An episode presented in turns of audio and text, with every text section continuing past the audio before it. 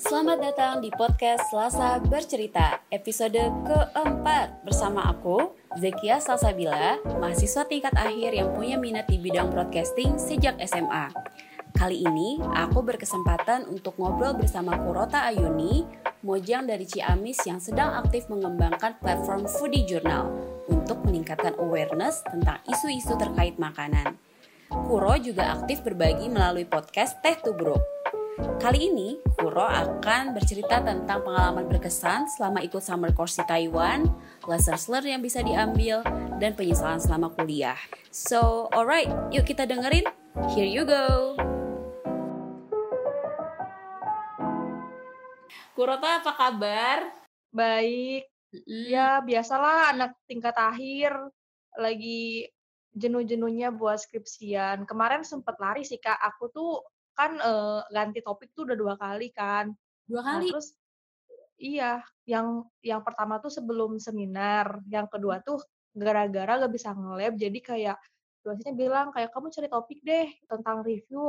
Jadi kayak kita harus nyari sendiri gitu, nggak dikasih kamu bahas ini. Jadi kayak baca-baca dulu, terus habis itu jenuh, habis jenuh aku ikut ini komunitas relawan apa covid gitu di daerah aku terus ya udah sebagai pelarian sejenak hmm. biar semangat lagi kan. Jadi kayak sekarang udah kelar acaranya sekarang ya udah fokus lagi biar Juli lulus. Amin.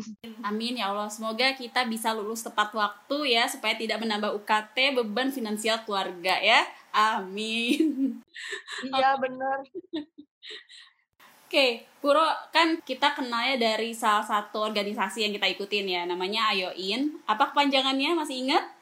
Ayo. Gak inget kayaknya sampai sekarang. Kayaknya kakak deh yang inget kan kakak Yoin Able.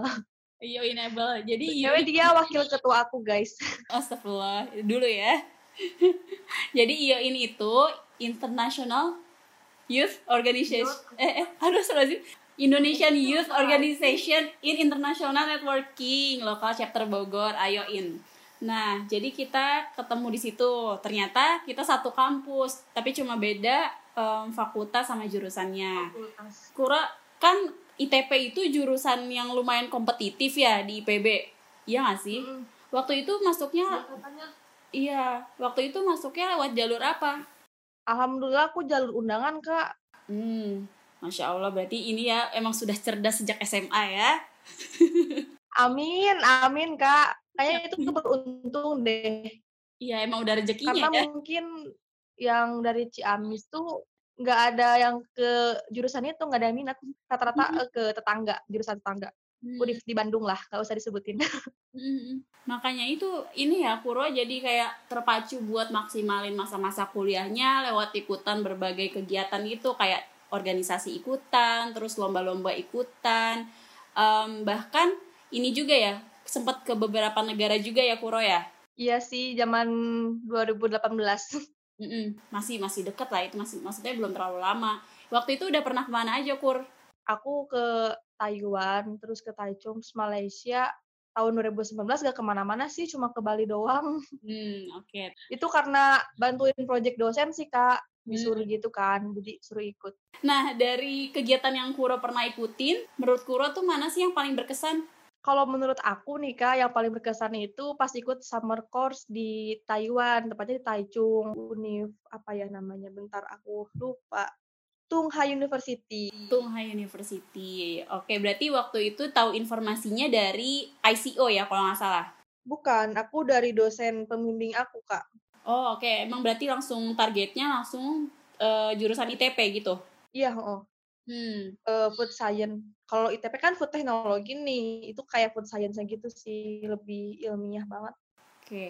Kalau waktu itu seleksinya gimana Kur? Apa atau memang dari departemen ITP nunjuk beberapa mahasiswa untuk langsung berangkat gitu atau ada seleksinya? Jadi ceritanya itu dulu tuh aku lagi ikut rapat di Jakarta di Kemendikbud yang acara itu loh yang acara gabungannya Ayoin apa tuh lupa yang tentang beasiswa itu loh kak uh, ingat gak sih Wis, Wis Forum. Iya, aku lagi mikir singkatannya apa sih World Scholarship Forum. Iya benar, Wis Forum.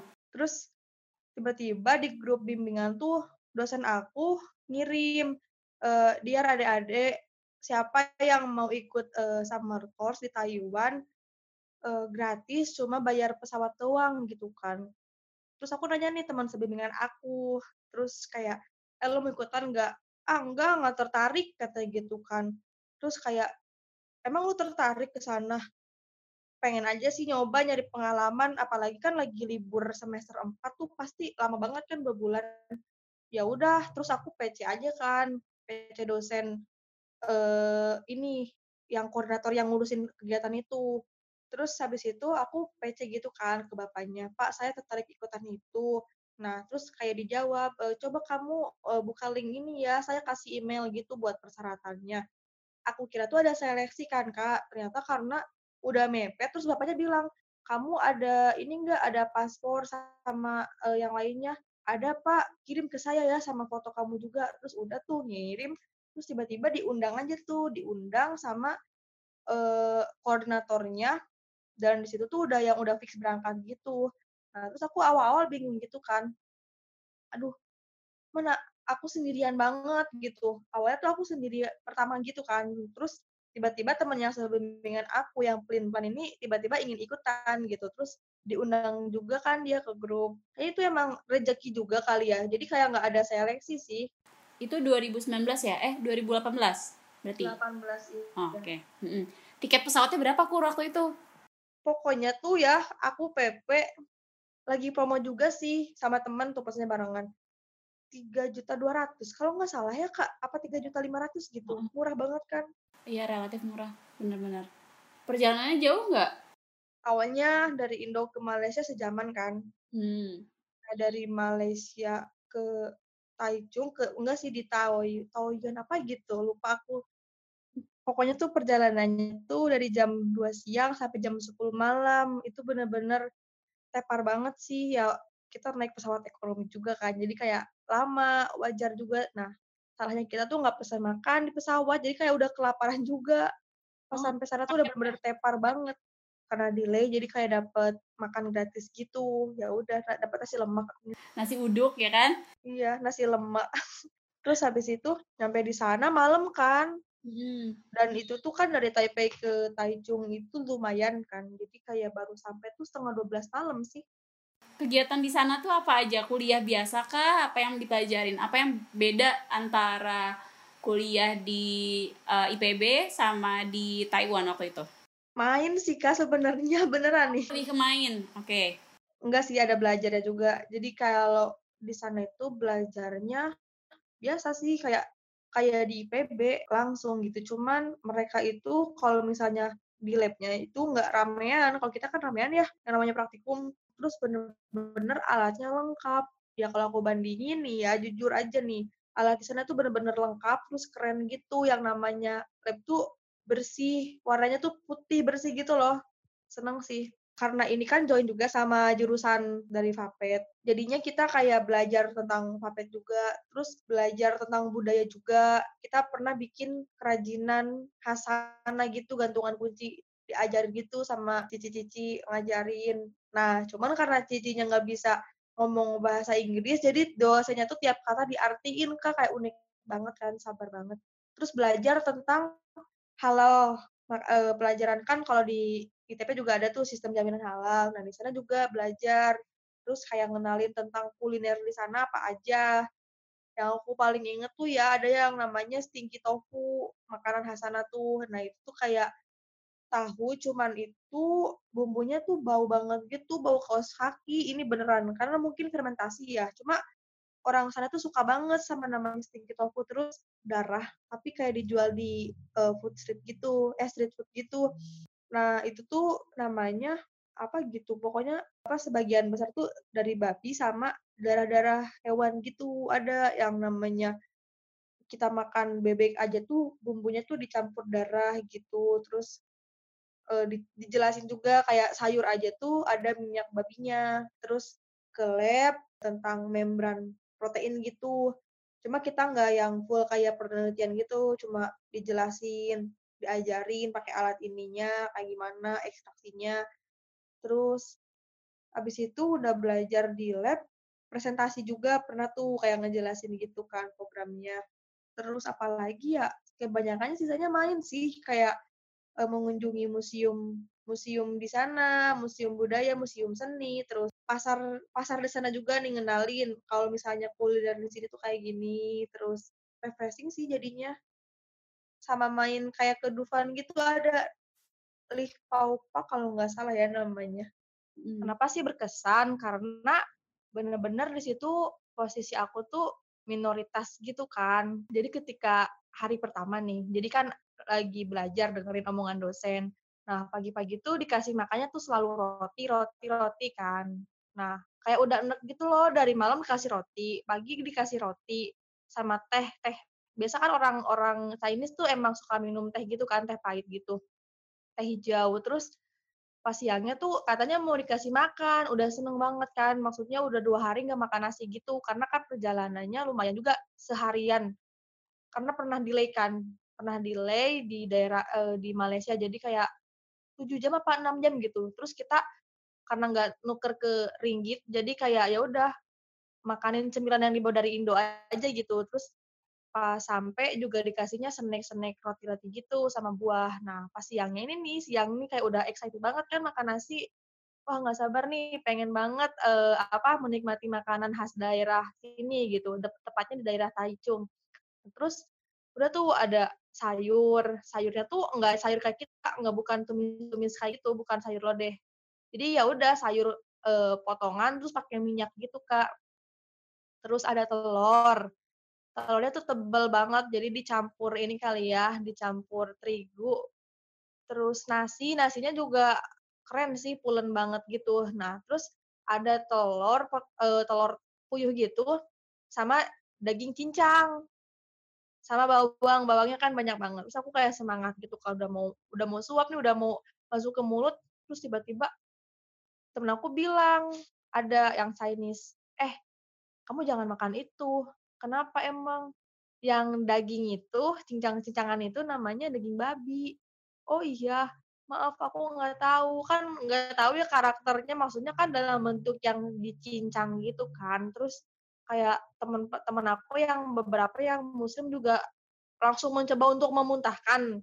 Kalau misalnya aku sendiri tuh nggak nggak sempet makan sih, cuma udah baru suap terus tiba-tiba, "Eh, jangan dimakan," gitu. Terus jadinya kalau begini berarti pasti bakal susah makan gitu kan. Mikirnya kan kalau misalnya ke negara apa, minoritas gitu mah pasti adalah warung-warung halal gitu. Ternyata memang di daerah itu tuh bener-bener susah. Terus kita kan waktunya sholat zuhur kan. Nah, pas sholat zuhur, aku kira tuh ada musola atau masjid gitu ya. Kalau misalnya di negara-negara lain kan pasti adalah tempat ibadah gitu. Nah, ini tuh enggak, jadi kayak disuruh gitu kan sama dosennya, eee, "Kamu sholat di sini." Terus aku bingung, "Ah, sholat di mana? Ini tempatnya kan lantai kotor, terus bangku-bangku gimana mau menghadap kiblat, kiblat aja nggak tahu kan." Terus kayak ya udahlah bismillah aja, pokoknya sholatnya sambil duduk aja sih. Terus kayak awal, eee, pertama-pertama tuh bener-bener nggak betah banget, kayaknya pengen pulang lagi deh ke Indo. Aduh nggak mau deh. Terus mana kalau misalnya ke toilet aja tuh nggak ada kayak kita yang deras air, di sana tuh kebanyakan pakai tisu. Jadi kalau misalnya kita mau wudhu tuh susah banget. Sampai pernah ya Kak, keadaan mau wudhu, itu aku milih ke apa ya, ke asrama dulu buat wudhu gitu, nggak mau di toilet yang deket kelas-kelas gitu. Karena pertama nih ya, karena di sana emang nggak pernah pakai air kali ya, jadi kayak susah gitu kan. Terus pakai wastafel juga nggak enak gitu. Terus ya udah deh, bener-bener nggak betah. Nah, terus Kur, kan tadi Kuro bilang juga tuh soal makanan agak siasatin biar bisa makan dengan aman dan tenang tuh gimana waktu itu? Jadi ada mahasiswa Indo tuh yang kuliah di sana, si kakaknya punya kartu halal. Jadi aku ke mana-mana setiap beli makan itu nunjukin kartu halal, sampai ke McD aja tuh aku nunjukin kartu halal. Terus si pelayannya bilang, kalau misalnya semuanya di sini yang berbau daging itu nggak halal karena yang yang menyembelih itu non non muslim. Aku jadi vegetarian, jadi kan suka dikasih makan kan sama pihak uh, tunghainya. Nah, aku bilang, pokoknya saya maunya menu yang vegetarian gitu. Nyari yang bener halal tuh susah gitu kan, karena langka banget. Ada restoran Malaysia juga cuma satu gitu. Ya udah, pokoknya jadi vegetarian. Kalau misalnya lagi main ke apa street food, belinya bukan yang kayak daging-daging gitu, selalu buah Kak, beli pale lije itu jambu atau enggak buah pir gitu. Nah, aku kebetulan karena udah belajar itu jadi kalau makan aja tuh bener-bener mikir-mikir banget, Kak. Bener-bener mikir. Iya, karena memang apa ya, apa yang kita makan kan bakal berpengaruh juga nggak sih? Karena teman aku pernah bilang, kalau misalnya lo makan makanannya haram, metabolisme di tubuh pasti nanti uh, mengalirlah di darah dari hasil yang uh, makanan haram itu. Dari darah nanti masuk ke hati dari hati dan itu akan menuntut kita berbuat maksiat kata gitu sih. Makanya kan kenapa kita selalu dituntut buat e, nyari makanan yang halalan atau iban karena emang bener-bener ngaruh banget sih. Kan dari segala macam nih kesulitan selama Kuro summer course di sana Kur. Menurut Kuro apa nih dari dari Taiwan yang paling berasa buat Kuro kayaknya nih perlu buat diterapin di Indonesia atau kayaknya ini lebih baik dari Indonesia atau Indonesia perlu belajar tentang hal ini nih dari Taiwan gitu. Kira-kira ada nggak, Kur? Disiplinnya sih, disiplin. Masalah waktu. Jadi kalau orang sana tuh, kalau yang namanya sekali ngumpul jam 8, itu benar-benar harus tepat waktu, Kak. Kalau di kita mah ya, eh kita kumpul aja jam 8. Iya, iya, terus ngaret di, dikit 15 menit, 20 menit gitu kan. Masalah kebersihan juga yang namanya sampah itu di sana itu sampai dipilah-pilahnya tuh ada lima apa enam gitu. Jadi ada sampah sisa makanan, ada kertas, ada plastik, terus ada botol-botol, ada kardus. Wah, PR banget ya. Tapi tuh mereka keren sih. Jadi kayak sisa-sisa makanannya langsung dibikin biogas gitu. Terus apalagi ya, masalah keamanan juga di sana tuh benar-benar aman. Kalau kita kan jam 11 malam yang namanya masih di luar pasti ada begal ya. Kalau aku selama di sana jujur aja nih, ini mah jujur karena kita tuh selalu main sampai jam 1 pagi baru balik gitu. Karena masih rame Kak, jam 11, jam 10 malam tuh orang-orang sana tuh olahraga, aman, lalu lintasnya nggak macet. Jadi kayak ada bus bus gitu kan. Jadi aman sih. Pengennya tuh di Indo tuh kayak gitu sih nerapinnya. Jadi kurangin kendaraan pribadi, tapi kita harus sering-sering naik kendaraan umum. Orang sana tuh bener-bener menyayangi lingkungan, Kak, kayak gitu, sama disiplin waktu. Orang sana tuh ramah-ramah juga, kalau misalnya kita nanya nih, pernah kan zamannya terakhiran, terus temen aku tuh sengaja, kita main aja nih ke pas, pas apa ya pasarnya lupa aku. Ternyata jadwal busnya itu udah lewat, terakhir tuh setengah sebelas, terus kayak kita bingung kan, wah gimana dong, gimana gitu. Terus habis itu kita tuh nanyain gitu kan ke orang sana. Aplikasinya ada sih aplikasinya, cuma kan pakai bahasa Chinese ya kita mana ngerti kan. Mereka bener-bener jelasin kalau misalnya kamu mau ada bus, kamu harus uh, lari 2 kilometer sekarang jam 11 ini ada lagi nih bus jam setengah 12 atau kalau misalnya bener-bener nggak bisa paling pakai Uber gitu. Cuma kan Ubernya mahal banget ya. Orang udah bener-bener terakhiran udah dipakai belanja. Jadi kayak waduh jangan deh pakai Uber. Terus kayak kita udah panik juga kan. Akhirnya karena dikasih tahu sama orang Taiwan dan diarahin ya udah kita udah kita nggak ada jalan lain kita lari aja. Itu bener-bener lari-lari kak. Dua kilo. Pengalaman banget sih terakhiran itu pengalaman banget. Seru banget aku bayang sih kalau misalkan di sana ikutan juga. misalkannya kan orang olahraga ya. Kalau orang kan olahraga gitu. Ini tuh bener-bener ngejar bus. Tapi seru sih seru. Seru banget. Berkesan banget lah pokoknya itu. Uh, terus apa lagi ya kak? Sama ini sih. Kalau kita nyari makanan halal orang sana bener-bener nunjukin juga sewaktu-waktu kita dikasih makanan yang ada flavornya flavor bacon gitu. Terus orang sana bener-bener langsung nyadar pas dikasih ke kita, eh jangan jangan jangan jangan katanya gitu. Jadi bener-bener kalau misalnya ngasih informasi itu yang akurat dan jujur sih. Ternyata ada banyak banget pelajaran yang bisa diambil dari Taiwan. Gak heran, Taiwan itu kan salah satu negara yang penanganan COVID-19-nya tuh paling bagus kan. Sekarang tuh paling banyak hmm. kayak dijadiin rujukan gitu. Jadi nggak nggak heran sih. Dari pengalaman Kuro juga bisa ketahuan tadi ada nilai-nilai dari segi pemberian informasinya yang jelas ke publik. Terus udah gitu kebersihannya juga terjaga. Jadi mungkin kapan-kapan aku pengen juga ngerasain langsung ke Taiwan. Semoga ada kesempatan Amin. ya. Main yuk karena ayolah kalau nggak mau udah ada Kuro nih udah pernah jadi guide. Boleh boleh. Oke ini kan Kuro sekarang udah di tingkat akhir. Kira-kira ada penyesalan gak sih? Misalnya nih uh, sebenarnya gue pengen ngelakuin ini ini ini di semester semester sebelumnya atau ada kayaknya gue sebenarnya bisa lebih baik dari dari ini deh gitu Ada nggak, Kur? Ada, Kak. Jelas ada. Aku dengar di podcast Kakak kalau misalnya anak muda itu harus benar-benar ngasih dampak yang besar. Jadi waktu waktu muda kamu itu harus benar-benar produktif banget. Nah, aku ngerasa di semester 3 4 itu nggak produktif. 6 7 juga sih. Kayaknya pengen diputar balik gitu buat belajar banyak hal. Nah, sekarang tuh ada teman-teman uh, aku yang adik kelas tuh nggak cuma belajar ITP doang. Nah, aku pengennya belajar banyak hal. Jadi kayak kalau misalnya aku dari dulu paham gimana pengennya jadi MT atau gimana aku pengennya jadi apa eh, R&D, pasti aku udah bener-bener menguasai banyak hal gitu kan kak. Lihat orang-orang keren kayak dari bacaan buku, waktu tuh bener-bener dipakai buat hal yang positif banget. Nah, sedangkan aku kayak dulu kan emang bosan banget ya nulis laporan. Ya kalau misalnya udah jenuh tuh ya udah pengennya tidur aja gitu pengen istirahat. Nah, ternyata kalau misalnya lihat dari kisah orang-orang sukses tuh tidur 4 jam itu ya hal yang wajar. Nah aku tuh nggak merasakan kayak gitu. Mungkin terlalu sayang sama badan kali ya. Tapi ternyata emang setelah sekarang aku sadari aku baca intinya kalau kita lunak ke diri kita si dunia juga akan ya akan ikut leha-leha juga. Jadi nggak akan bisa terpacu gitu. Terus masalah keimanan juga mungkin. Jadi kayak dulu aku kayak mentoringnya masih bolong-bolong ya pengennya tuh produktif gitu. Sebenarnya ada sih dipakai buat organisasi, cuma kayaknya mungkin ngerasa belum maksimal aja sih. Sama sekarang nih, kan karena aku uh, tertarik ke akademisi, salahnya aku tuh nggak nyiapin persiapan-persiapannya dari jauh-jauh hari, Kak. Jadi kayak tes TOEFL atau IBT apa IELTS. Nah, aku tuh nggak menyiapkan dari zaman semester 6 atau semester 5. Kalau sekarang semuanya kan ketika kita ada informasi beasiswa buat master kan bisa langsung apply. E, kesimpulan dari saya, dari aku, buat teman-teman, bener-bener manfaatin waktu.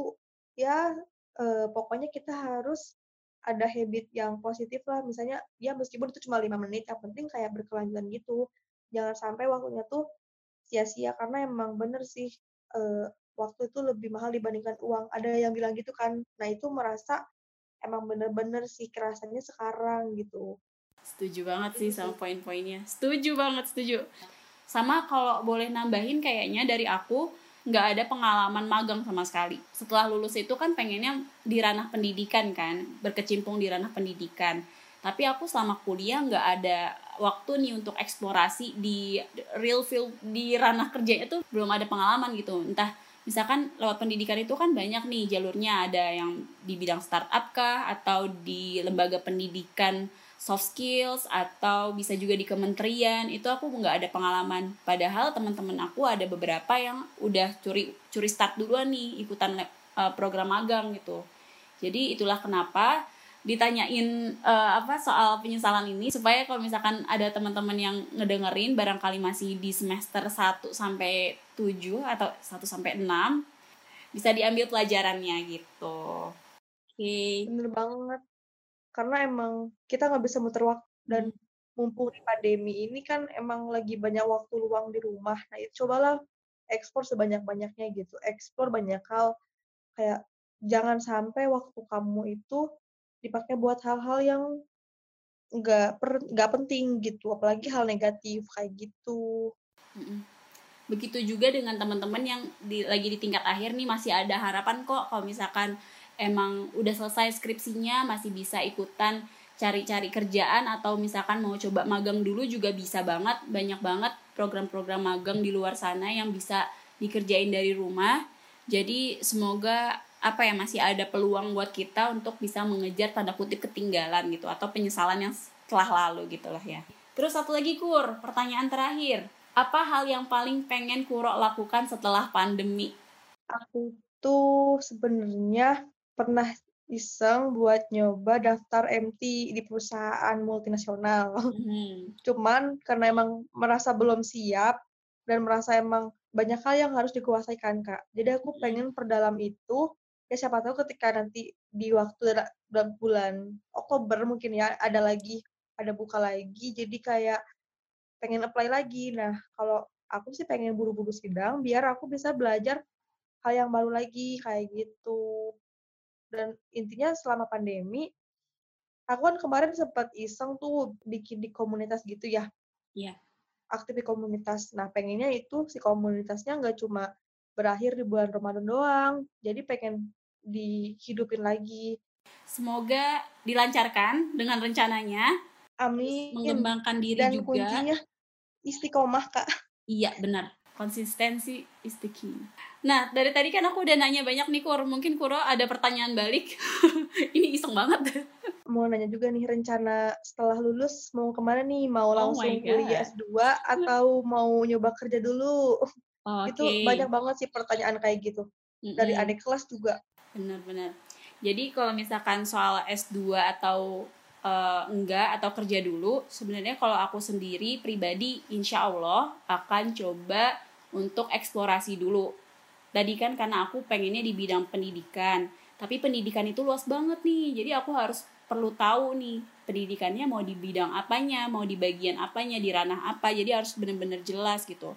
Karena S2 itu kan takes time ya, walaupun eh, rata-rata master di pendidikan itu cuma satu tahun, tapi biaya yang dikeluarin kan kalau misalkan nggak pakai beasiswa nih, entah kita dapat beasiswa apa enggak itu kan em, bakalan banyak banget yang dikeluarin. Sama waktu juga satu tahun itu bakalan jadi lama banget kalau kita nggak tahu eh, kayak tujuan dari ngambil gelar itu apa, pelajaran yang mau dipelajarin apa. Jadi jangan sampai salah jurusan gitu pas milih S2. Jadi consideration buat eh, lanjut S2 itu kalau aku pribadi aku tunda dulu. Karena ya tadi perlu dieksplorasi. Jadi pengen cobain berbagai banyak ya berbagai bidang pekerjaan. Karena siapa tahu nih dengan aku coba kerja gitu aku bisa discover beberapa uh, bidang lainnya yang mungkin sebelumnya aku nggak pernah tahu tapi aku suka gitu. Jadi nggak menutup kemungkinan buat nanti akan ada shifting misalkan aspirasi ke depannya gitu. Jadi uh, open aja sama opportunity baru tapi tetap core-nya ya tadi um, intinya aku pengen di ranah pendidikan gitu core Hmm, paham, paham. Semangat terus, Kak. iya Aku juga semangat juga, tertarik sih di Kuro pendidikan. iya siapa tahu kan Gara-gara ini kita bisa kolaborasi gitu, siapa Iya, tahu ya. knows, who knows. Sip, makasih banyak Puro untuk waktunya. Semoga bermanfaat buat teman-teman ya. Iya, sama-sama semangat terus ya, Kak. Iya. Bye-bye. Bye. Thank you so much for listening until the end. I always believe in the power of share it forward. Jadi, supaya manfaatnya bisa semakin luas, jangan lupa share ke teman-teman kamu juga ya. Please make dua for me to be consistent in sharing positive contents. Insya Allah, sampai jumpa lagi di hari Selasa. Berbagi inspirasi lewat cerita. Bye-bye.